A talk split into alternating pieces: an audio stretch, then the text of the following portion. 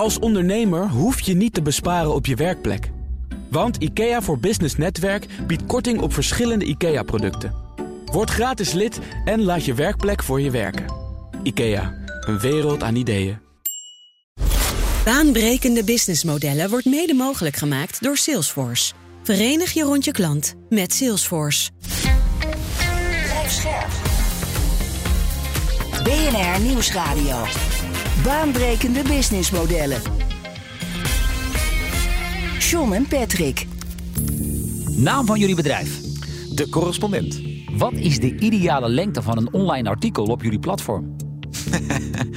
Ehm, ja, jeetje.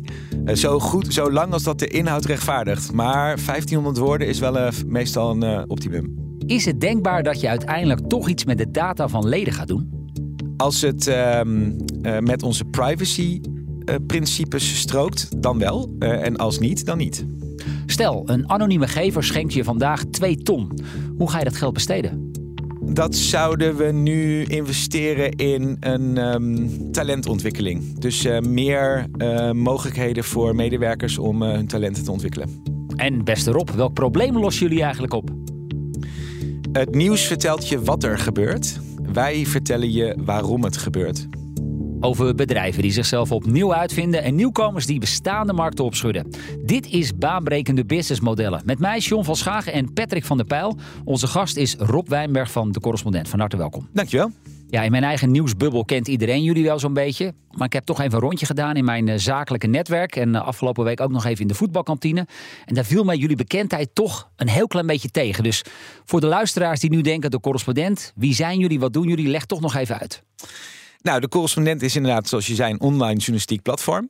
Eh, wij zijn begonnen precies tien jaar geleden, of de- 30 september 2013 zijn we begonnen. Ehm, met een crowdfunding, heel bijzonder. Eh, zelfs een wereldrecord gevestigd. We hadden 1,3 miljoen euro opgehaald in eh 30 dagen. 17.000 mensen ongeveer. Eh 18.933. Hij weet het precies. Ja, Ja. ja. Want je bent niet alleen hoofdredacteur, je bent ook founder. Toen even weg geweest en inmiddels weer terug op het oude nest. Ja, nou, we hebben een uitstapje gemaakt eh, eh, in, eh, in het Engels. Ja. Eh, en toen was ik inderdaad niet in Amsterdam. Dus ik ben fysiek weg geweest. Eigenlijk nooit echt helemaal Nooit, weg geweest. Nee, precies. Ehm, en ehm, nou ja, eigenlijk heel simpel. Eh, de correspondent is vernoemd naar correspondenten, eh, die allemaal eh, een expertise ontwikkelen op een bepaalde belangrijke thematiek. Wat wij dan de belangrijkste thema's van onze tijd plachten te noemen. En ehm, ja, die gidsen je eigenlijk door de belangrijkste ontwikkelingen in die thema's. zodat je begrijpt hoe de wereld op een fundamenteler of structureel niveau ehm, eh, werkt. En het is eigenlijk voortgekomen uit een eh, nieuwskritiek van mij. En die nieuwskritiek, als ik die heel simpel moet samenvatten, is: nieuws ehm, gaat over gebeurtenissen, incidenten, uitzonderlijke dingen. Daardoor laat nieuws je een plaatje van de wereld zien hoe die eigenlijk niet werkt. Vaak negatiever, hè? Het is ook negatief. Ja, je ziet positieve ontwikkelingen al eh, zelden zo prominent uitgemeten. Maar het is vooral ook eh, ja, het is een aaneenschakeling van incidenten en gebeurtenissen. Terwijl de wereld op een fundamentele niveau bepaald wordt door ontwikkelingen. En die gaan over een langere termijn. Dus Ja, de dus- metafoor die wij ja. gebruiken is... ehm, nieuws gaat over het weer. Eh, wij vertellen over het klimaat in me- metaforische zin. En daardoor ga je beter begrijpen waar die gebeurtenissen allemaal vandaan komen. Dus geen bericht over aantal doden in, Ga- in Gaza, maar misschien wel over een, een achtergrondartikel over een mogelijke oplossing voor het conflict. Of hoe dat ooit ontstaan is. Dat, dat zou precies een, een, een goed voorbeeld zijn. Ehm, overigens zeg ik er wel bij, dit doen we dan wel vooral met de thema's waar wij dan ook echt expertise op hebben. Dus correspondenten hebben eh, allemaal hun eigen thematiek. Daar duiken ze heel lang in, ontwikkelen zo'n expertise. En als wij die ook niet hebben, dan gaan we niet ehm, nu... Jullie iemand- hebben geen eigen Bernard Hammelburg die dit eh, allemaal eh, voor jullie duidt. Nee, Nee, helder. Ja. hey, en vooral opmerkelijk, eh, jullie hebben helemaal geen adverteerders. klopt. Hoe zit dat? Want jij schreef in het begin de negen geboden. eh, gebod nummer, eh, tien geboden. Nummer zes, geen advertenties. Tot op de dag van vandaag. Zeker. Ja, sta dat is, steeds achter. is, is heel ongebruikelijk binnen de journalistiek. Ja, heel ongebruikelijk. De meeste journalistieke modellen zijn natuurlijk eh, deels in ieder geval betaald uit advertenties. En dan deels abonnees vaak. Maar dat wilde ik niet. Twee redenen eigenlijk. Eén, als je advertenties verkoopt, of eh, voor een deel afhankelijk bent van advertentieinkomsten, dan wordt je publiek eh, het product dat je verkoopt. Dus dan gaat het om van wie trek je de aandacht. En die aandacht verkoop je dan aan adverteerders. Dan gaat het om kijkcijfers en Ja, dus, de, dus dan worden twee dingen heel belangrijk. Hoeveel mensen je bereikt. En eh, eh, nou, dat, dat ehm, staat haaks op wat wij beogen. Want meestal met ophef en verontwaardiging bereik je heel veel mensen. Maar dat is eigenlijk niet de bedoeling. En je gaat denken in doelgroepen. Dus je gaat ook heel erg nadenken over van... ehm, wat voor soort mensen bereiken we met deze informatie? Zijn dat hoger opgeleide, rijke mensen? eh, ehm, nou, ja, zo. vaak de mensen tussen 25 en 49, van die zijn dan weer voor adverteerders het meest interessant. Ja, dat zijn eigenlijk hè, de consumenten met, Ja. met een portemonnee. En da- daar is het interessant om op te adverteren. En wij vinden eh, in die zin onze publiek niet een doelgroep. Want het gaat er bij ons om het, eh, ja, de, de, de- het belang van de inhoud. Of de maatschappelijke relevantie van de inhoud. En wie we daarmee bereiken, we vinden het wel belangrijk dat we veel mensen bereiken. Maar welke doelgroep dat dan is, eh, dat, eh, dat willen wij niet. En om dat niet te hoeven doen, dachten we... We stoppen gewoon met advertenties. Het kan ook. Ja, en Patrick, tien jaar na de start kunnen we concluderen dat dat zelfs vandaag de dag nog eh, wel heel bijzonder is. Ja, want als je even teruggaat in de tijd, op het moment dat eh, internet breed uit eh, zijn intrede ging doen, waren wij eigenlijk alleen maar gewend aan het journalistieke model qua nieuws. Dat we zeg maar de, de nieuws moesten aanleveren voor de nacht en dan gingen de drukpers aan de slag. Of misschien al eerder zeg maar in de opmaak en uiteindelijk ging het eh, met de vrachtwagens naar ieders eh, woonhuis toe of naar de, zaak. Uiteindelijk ehm, de volgende dag was dat nieuws weer weg, want dat kon je gewoon weggooien. Eh, dus het was eigenlijk een heel lineair vast eh, programma.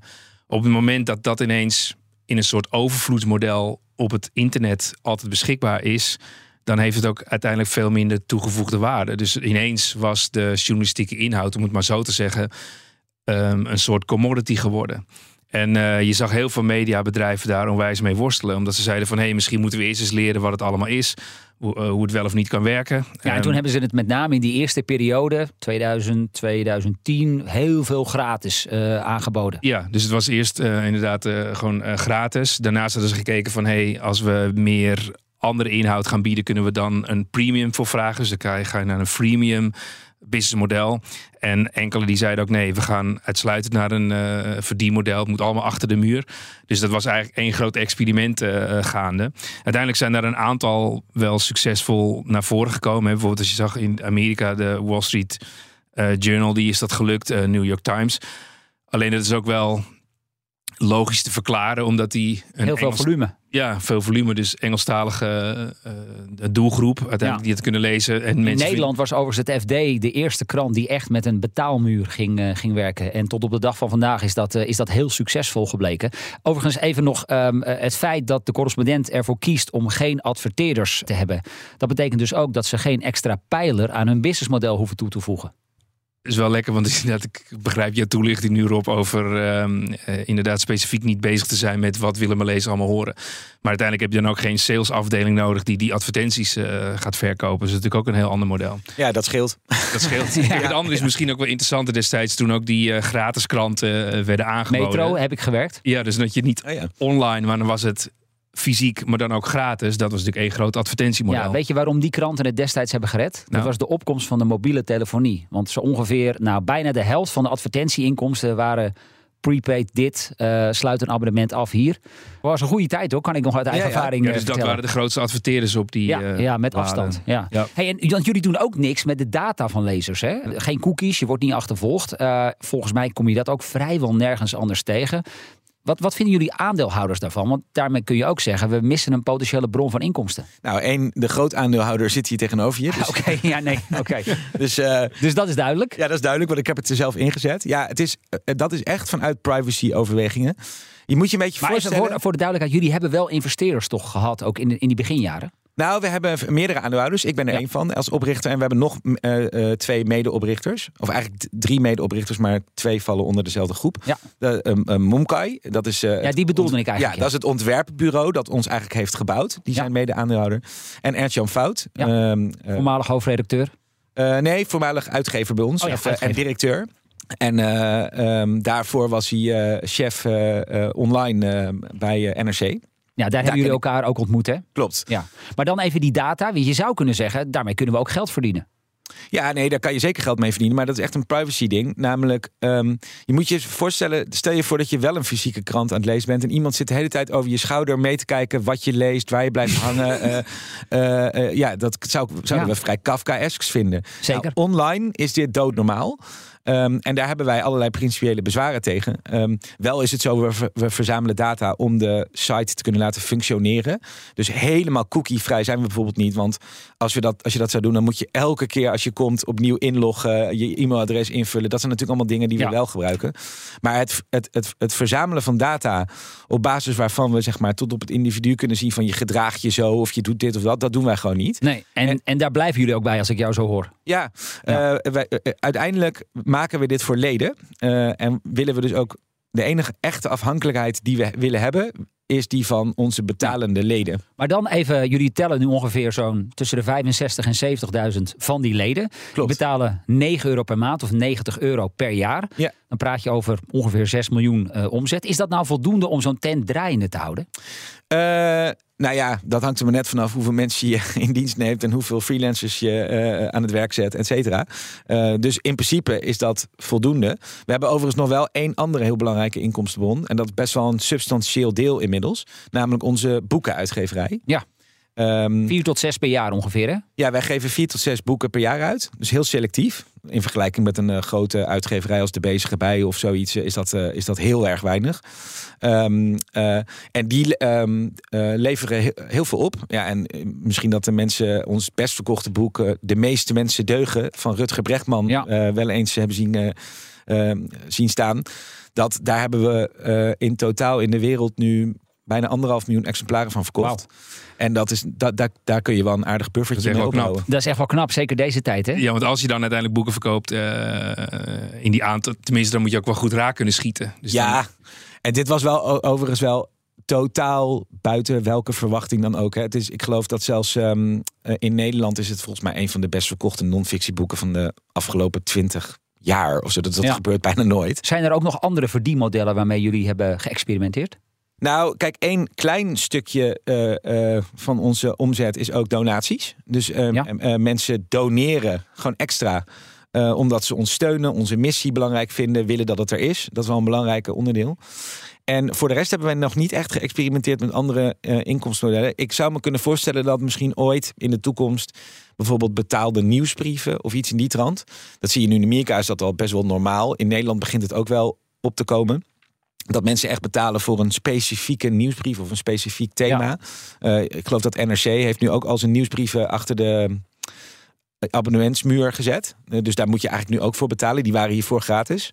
Ehm, dat zou nog eventueel kunnen. Maar ik, ik, ben dan al, eigenlijk altijd wel op zoek naar ehm, verdienmodellen die echt met de inhoud te maken hebben. Dus niet van die zijtakken dat je dan opeens kerstbomen of eh, merchandise moet gaan verkopen en dat, dat het helemaal Schoenmaker met... blijft bij je leest. Ja, dat, dat, dat lijkt mij wel, ja. Van de correspondent jaarkalender bijvoorbeeld.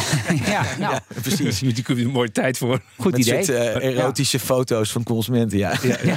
Maar Rob, één één stap terug. Hè? Want ehm, als ik jou had moeten adviseren als een start-up in eh, de journalistiek, dan hadden daar niet alle zijn op groen gestaan. Hè? Dus en, en waarom? Het is één, eh, een heel erg moeilijk financieel businessmodel. Eh Mm. Mark Adriani, onze hoofdredacteur, heeft dat ook gezegd toen bij de eh, veiling eh, van de frequentie eh, werd eigenlijk zeg maar de economische waarde op nul geschat voor BNR. Dus dat Mhm. is voor nieuws buitengewoon lastig.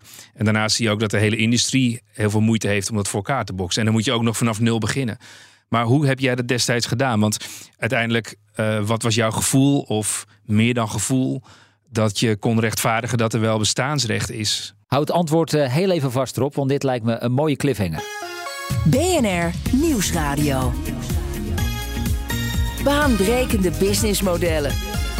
Met deze keer het verhaal over de correspondent. Zometeen meer, maar nu eerst weer een ander businessmodel in de spotlights. En dat doen we deze keer met groeiprofessor Rutger Prent. Ik wil het vandaag hebben over het bedrijf TryMe.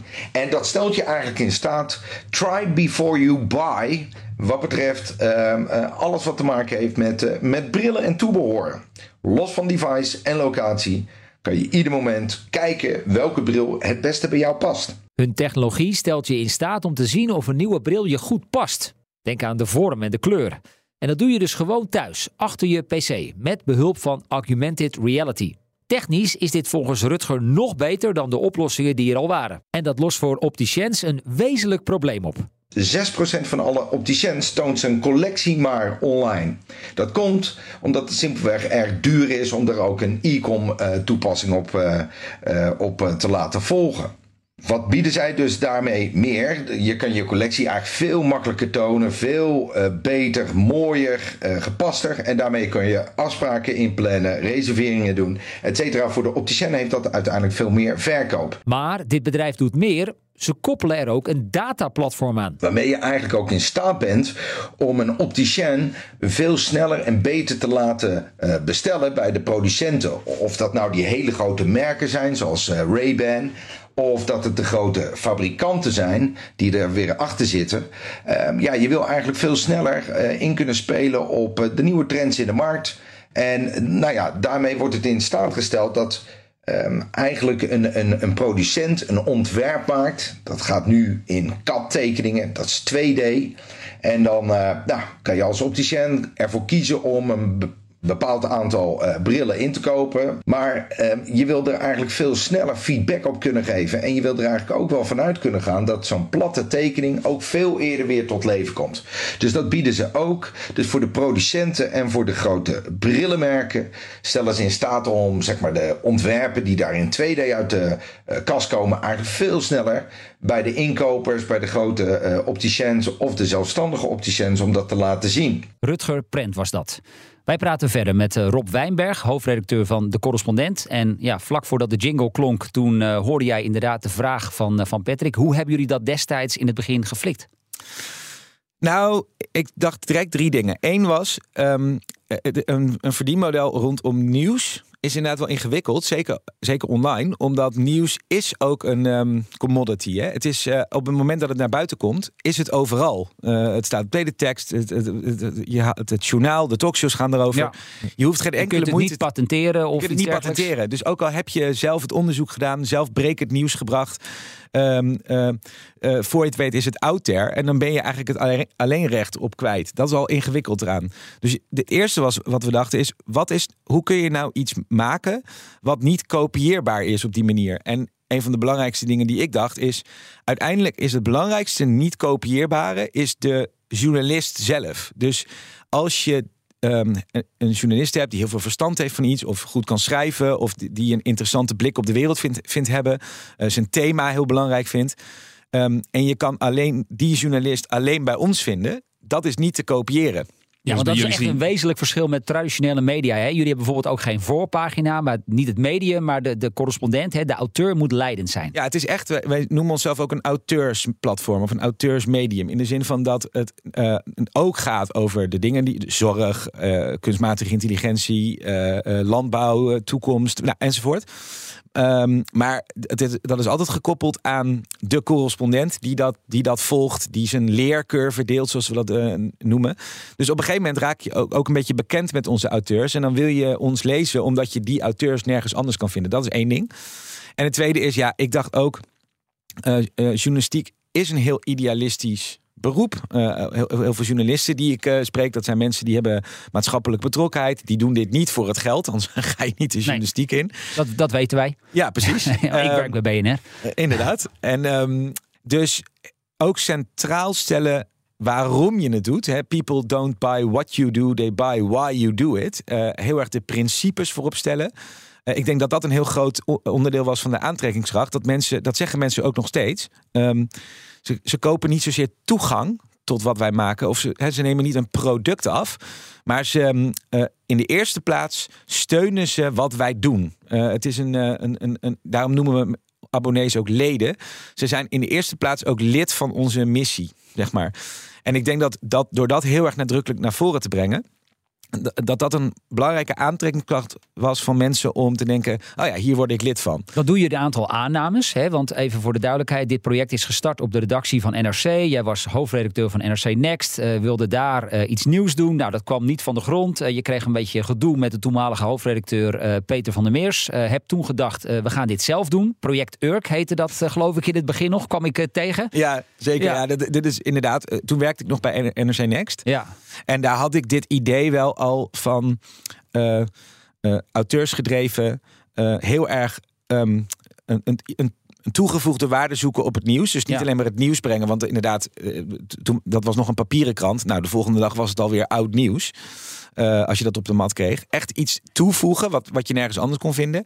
En ik zat ook al inderdaad een beetje na te denken over... kan dit ook advertentievrij? Ja. Nou, dat is daar nooit van de grond gekomen. Vonden ze nog een beetje spannend. Heb jij dat toen wel gevalideerd? Of zijn jullie gewoon maar begonnen?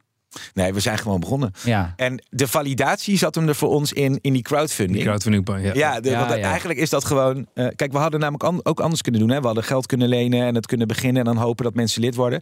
Maar we dachten, wat nou als je gewoon het plan uit de doeken doet en 15.000 mensen, dat was ons richtgetal, 15.000 mensen zeggen van tevoren: dit zie ik wel zitten. Eh, ik, ik word nu alvast bij voorbaat lid. Ga maar proberen. Nou, en eh, dat lukte zo wonderwel dat dat eigenlijk onze ons Validatiemethode. ja, ons Ja, ja. marktonderzoek was, zeg maar. Ja. Robert, je zei drie dingen eh, die direct bij je opkwamen. Dat je er twee genoemd. Oh ja, even kijken. Dus ehm, Oh, scherp. eh, ehm, eh, een echt toegevoegde waarde tot, ten opzichte van het nieuws. Eh, en niet, wat, wat niet kopieerbaar is. Ehm, de missie voorop stellen. Wat was nou de derde die ik in mijn hoofd had?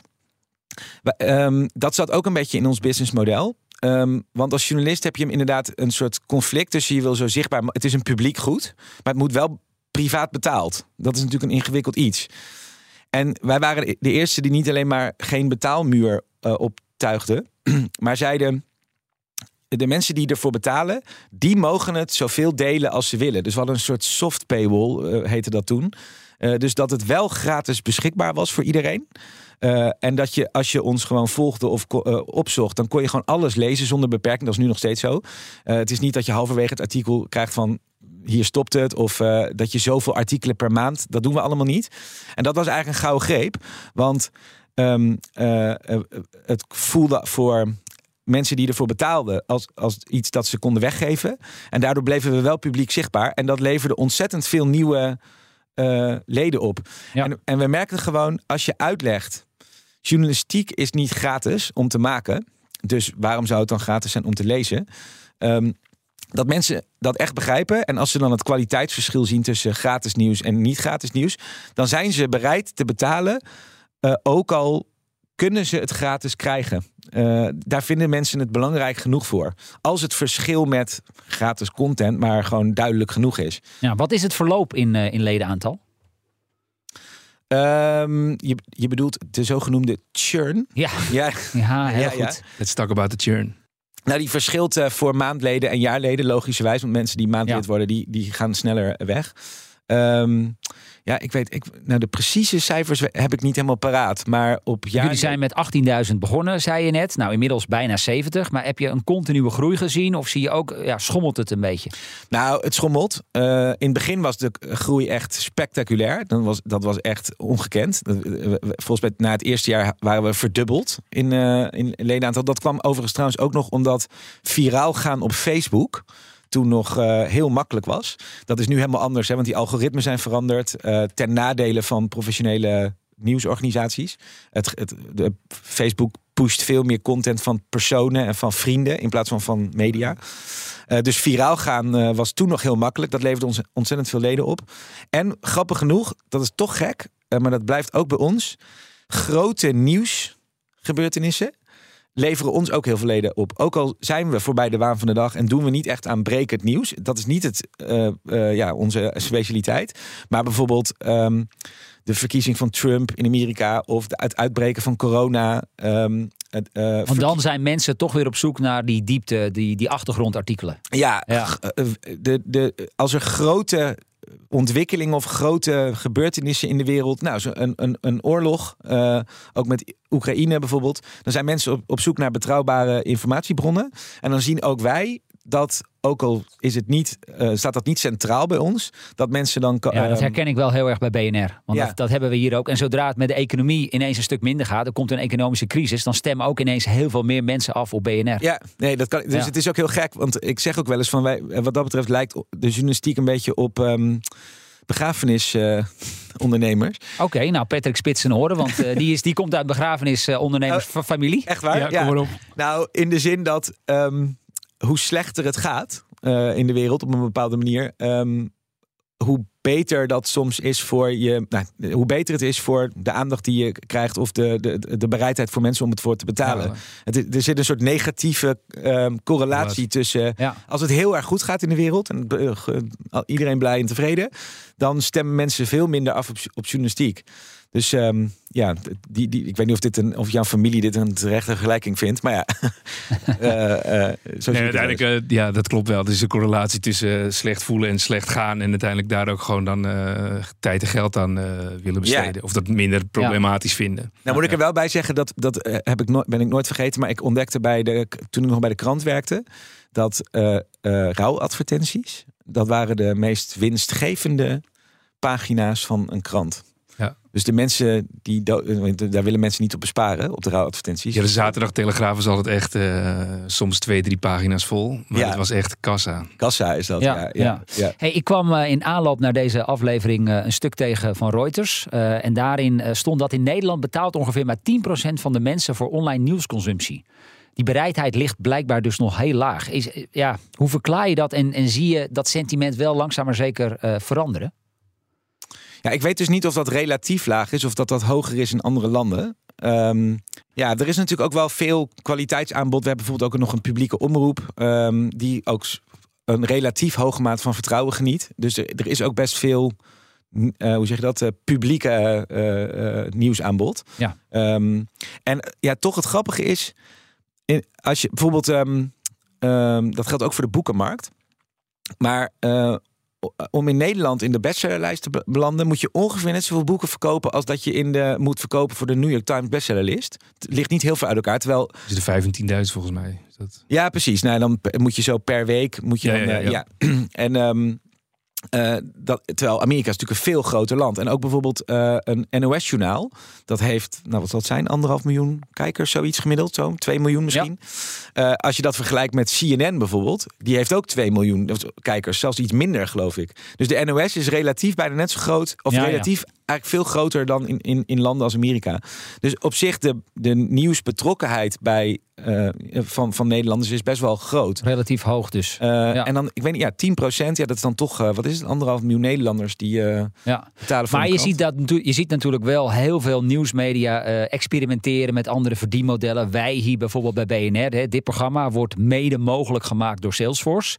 Zij hebben redactioneel geen inspraak, maar toch planten hun naam ervoor en daarachter en krijgen er ook spotjes voor. Nou, dat is een manier waarop wij hier onze broek eh, aanhouden.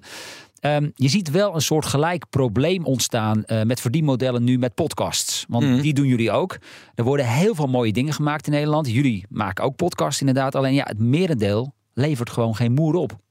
Nee, niet direct. Ehm, dan is altijd de vraag, wat levert het indirect op? Dus ehm, wij hebben... Meer bekendheid of... Ja, en we hebben ook een aantal hele eh, goed beluisterde podcasts. En dan is de vraag, stel dat je daarmee zou stoppen, zouden mensen dan geen, geen lid meer zijn? Of hun, hun eh, Ja, jij ziet het echt als onderdeel van wat je krijgt voor een lidmaatschap ja, van de precies. correspondent. Maar En daarentegen kan ik jullie podcast ook gewoon zonder eh, lidmaatschap luisteren. Ja, ja, precies. Net als eh, dat je eh, onze artikelen, als je ons volgt op social, dan kan je, kun je ze ook lezen. En dan is, blijven wij ervan uitgaan van als mensen het goed vinden en de kwaliteit hoog genoeg, dan is, en je spreekt ze erop aan van hé, hey, dit is niet gratis om te maken, dan zijn er toch nog steeds heel veel mensen die bereid zijn om te betalen. Ja, maar is dat niet zo dat de doelgroep die jullie aanspreken, misschien ook iets de wat hoger opgeleide doelgroep is, die misschien ook net iets meer te besteden heeft, die dat wil? Eh daarentegen, laten we zeggen, het doorsnee nieuws, dat dat dan meteen een stuk lastiger wordt. Ja, ja, nee, want dat geldt natuurlijk sowieso voor eh, journalistiek in zijn algemeenheid. Dat ehm, de bereidheid om daarvoor te betalen, eh, dat, dat is eh, duidelijk biased naar hoger opgeleide mensen.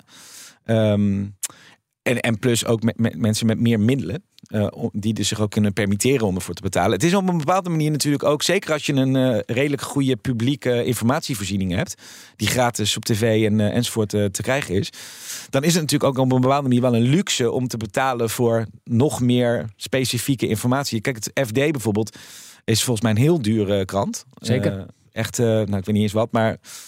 ehm, In verhouding tot In verhouding de andere kranten. Om te maken Absoluut. of om abonnee te zijn. Nee, om abonnee te zijn. Ja. Ehm, maar dat betaalt zich dan terug in best wel specialistische informatie. Hè? Mensen die eh, eh, ja, specifiek dat soort e- geïnteresseerd zijn in een hele economische eh, krant. Ehm, dus daar is de onderscheidendheid ook heel groot. Dus ehm, eh, het gaat er vooral om dat dingen waar je geen onderscheid mee maakt. eh, ehm, wat gewoon net als kraanwater is. Ja, daar, eh, eh, daar, ga je, daar ga je het niet aan verdienen, denk ik. Je moet Nee. echt iets toevoegen wat je nergens anders vindt. Ja. Dat blijft natuurlijk eigenlijk voor elk product op een bepaalde manier zo. Hè? Ja, wie is de best scorende correspondent eigenlijk? Of, of is dat informatie die jullie niet delen? Nou, ook niet bijhouden. Oh, oké. Ehm, Maar je, je, je houdt toch wel bij hoeveel, eh, hoe vaak een, eh, een artikel van Simon wordt aangeklikt. Of, of een eh, artikel van Rutger bijvoorbeeld. ja, nee, dat kunnen we natuurlijk wel zien. Ja. Ehm, ja, en dat, dat, dat varieert ook heel erg. Eh, maar eh, Rutger Bregman is eh, zeker, behoort hij tot eh, verreweg de best gelezen eh, auteurs die wij Goed hebben. voor de kijkcijfers. Jesse Frederik is, is Oh ja. zo iemand. Ehm, Maar die zijn ook wel stuk voor stuk echt onderscheidend. Dat is ook echt waar. ja, nee, die zijn ook eh, in- inderdaad ook. eh, En die moet jij, neem ik aan, ook wel redelijk goed betalen. Hè? Ik, eh, ja, ik schrijf zelf ook nog wat artikelen voor, voor andere media. Nou ja, een stukje van 1000 woorden, 350 euro, is, is redelijk regulier in de branche. ja, dan doen wij het een stuk beter. Ja, Ja. dus, dus, dus hebben, hebben jullie nog plek als auteur? Nee. Ja, nee. Ja. Ehm, als je onderscheidende stemmen Ja. wil, dan moet je ook onderscheidend betalen. Ja. Ehm, dus dat, dat, daar gaat, ik geloof Daar gaat dat ook wel een groot deel van jullie kosten. eh, het betalen van de correspondenten. Ja, in totaal gaat ehm, ruim 70% van onze totale omzet naar ehm, salarissen en, eh, en, eh, en, eh, en makers. Ja. eh, vast en freelance. Dus eh, de- het, het gros gaat daar naartoe. Ja. Hey, in een interview eh, uit de beginperiode nog las ik eh, dit over jou. Ehm, eh, Rob Wijnberg is goed in groot denken en hij kan het goed uitleggen. Ehm, Patrick, hoe belangrijk is het voor het slagen van een nieuw businessmodel dat je een, ja, een voorman of voorvrouw hebt die echt als uithangbord dient, hè, die andere mensen kan meekrijgen in een bepaald, met een bepaald idee? Ja, er zijn meningen wel over verdeeld. Dus het kan negatief worden uitgelegd. Omdat ze dan bijvoorbeeld zeggen van... hé, hey, als er iets is... en dan gaat het misschien iets minder op dan eh, in de journalistiek... maar bijvoorbeeld in de zakelijke wereld... hé, hey, als ik altijd John moet bellen en ik wil John hebben... eh, dan is het heel moeilijk om je organisatie schaalbaar te maken. Want dan denk je, ja, dan komt Patrick langs en denkt nee, ik wil John hebben. Het founders syndrome. Het founder syndrome. Ja. Ja, ja helemaal, helemaal, helemaal terecht. Het andere punt is, en dat haakt heel erg aan op ja, de visie en de ambitie en de filosofie van eh, de correspondent. Ja, dat eh, is eh, Rob. Ehm, en dat is ook wel heel knap, omdat als je die modellen op een rijtje zet, dus om te kijken van hey, kun je nou leden werven, in dit geval in plaats van klanten die een transactie betalen, dan heb je dus echt een hele goede filosofie nodig die bij mensen gewoon naar binnen komt en waar ze echt bereid zijn voor te betalen. Dus dan zie je voor zo'n concept als correspondent is dat echt essentieel. Maar dan moet je ook nog eens iemand hebben als Rob die ook nog zegt, nou ja, ik vind dat die correspondenten belangrijk zijn in plaats van dat ik het allerbelangrijkste ben. Want die factor heb je ook nog natuurlijk. Ja. En dat is niet zo. Dus dan zeg je van hé, die correspondenten staan hier op de voorgrond. Ja, staan er eigenlijk nog correspondenten bij jou op het verlanglijstje? Wie zou jij nog heel graag willen toevoegen aan het eh, assortiment, zou ik maar bijna willen zeggen?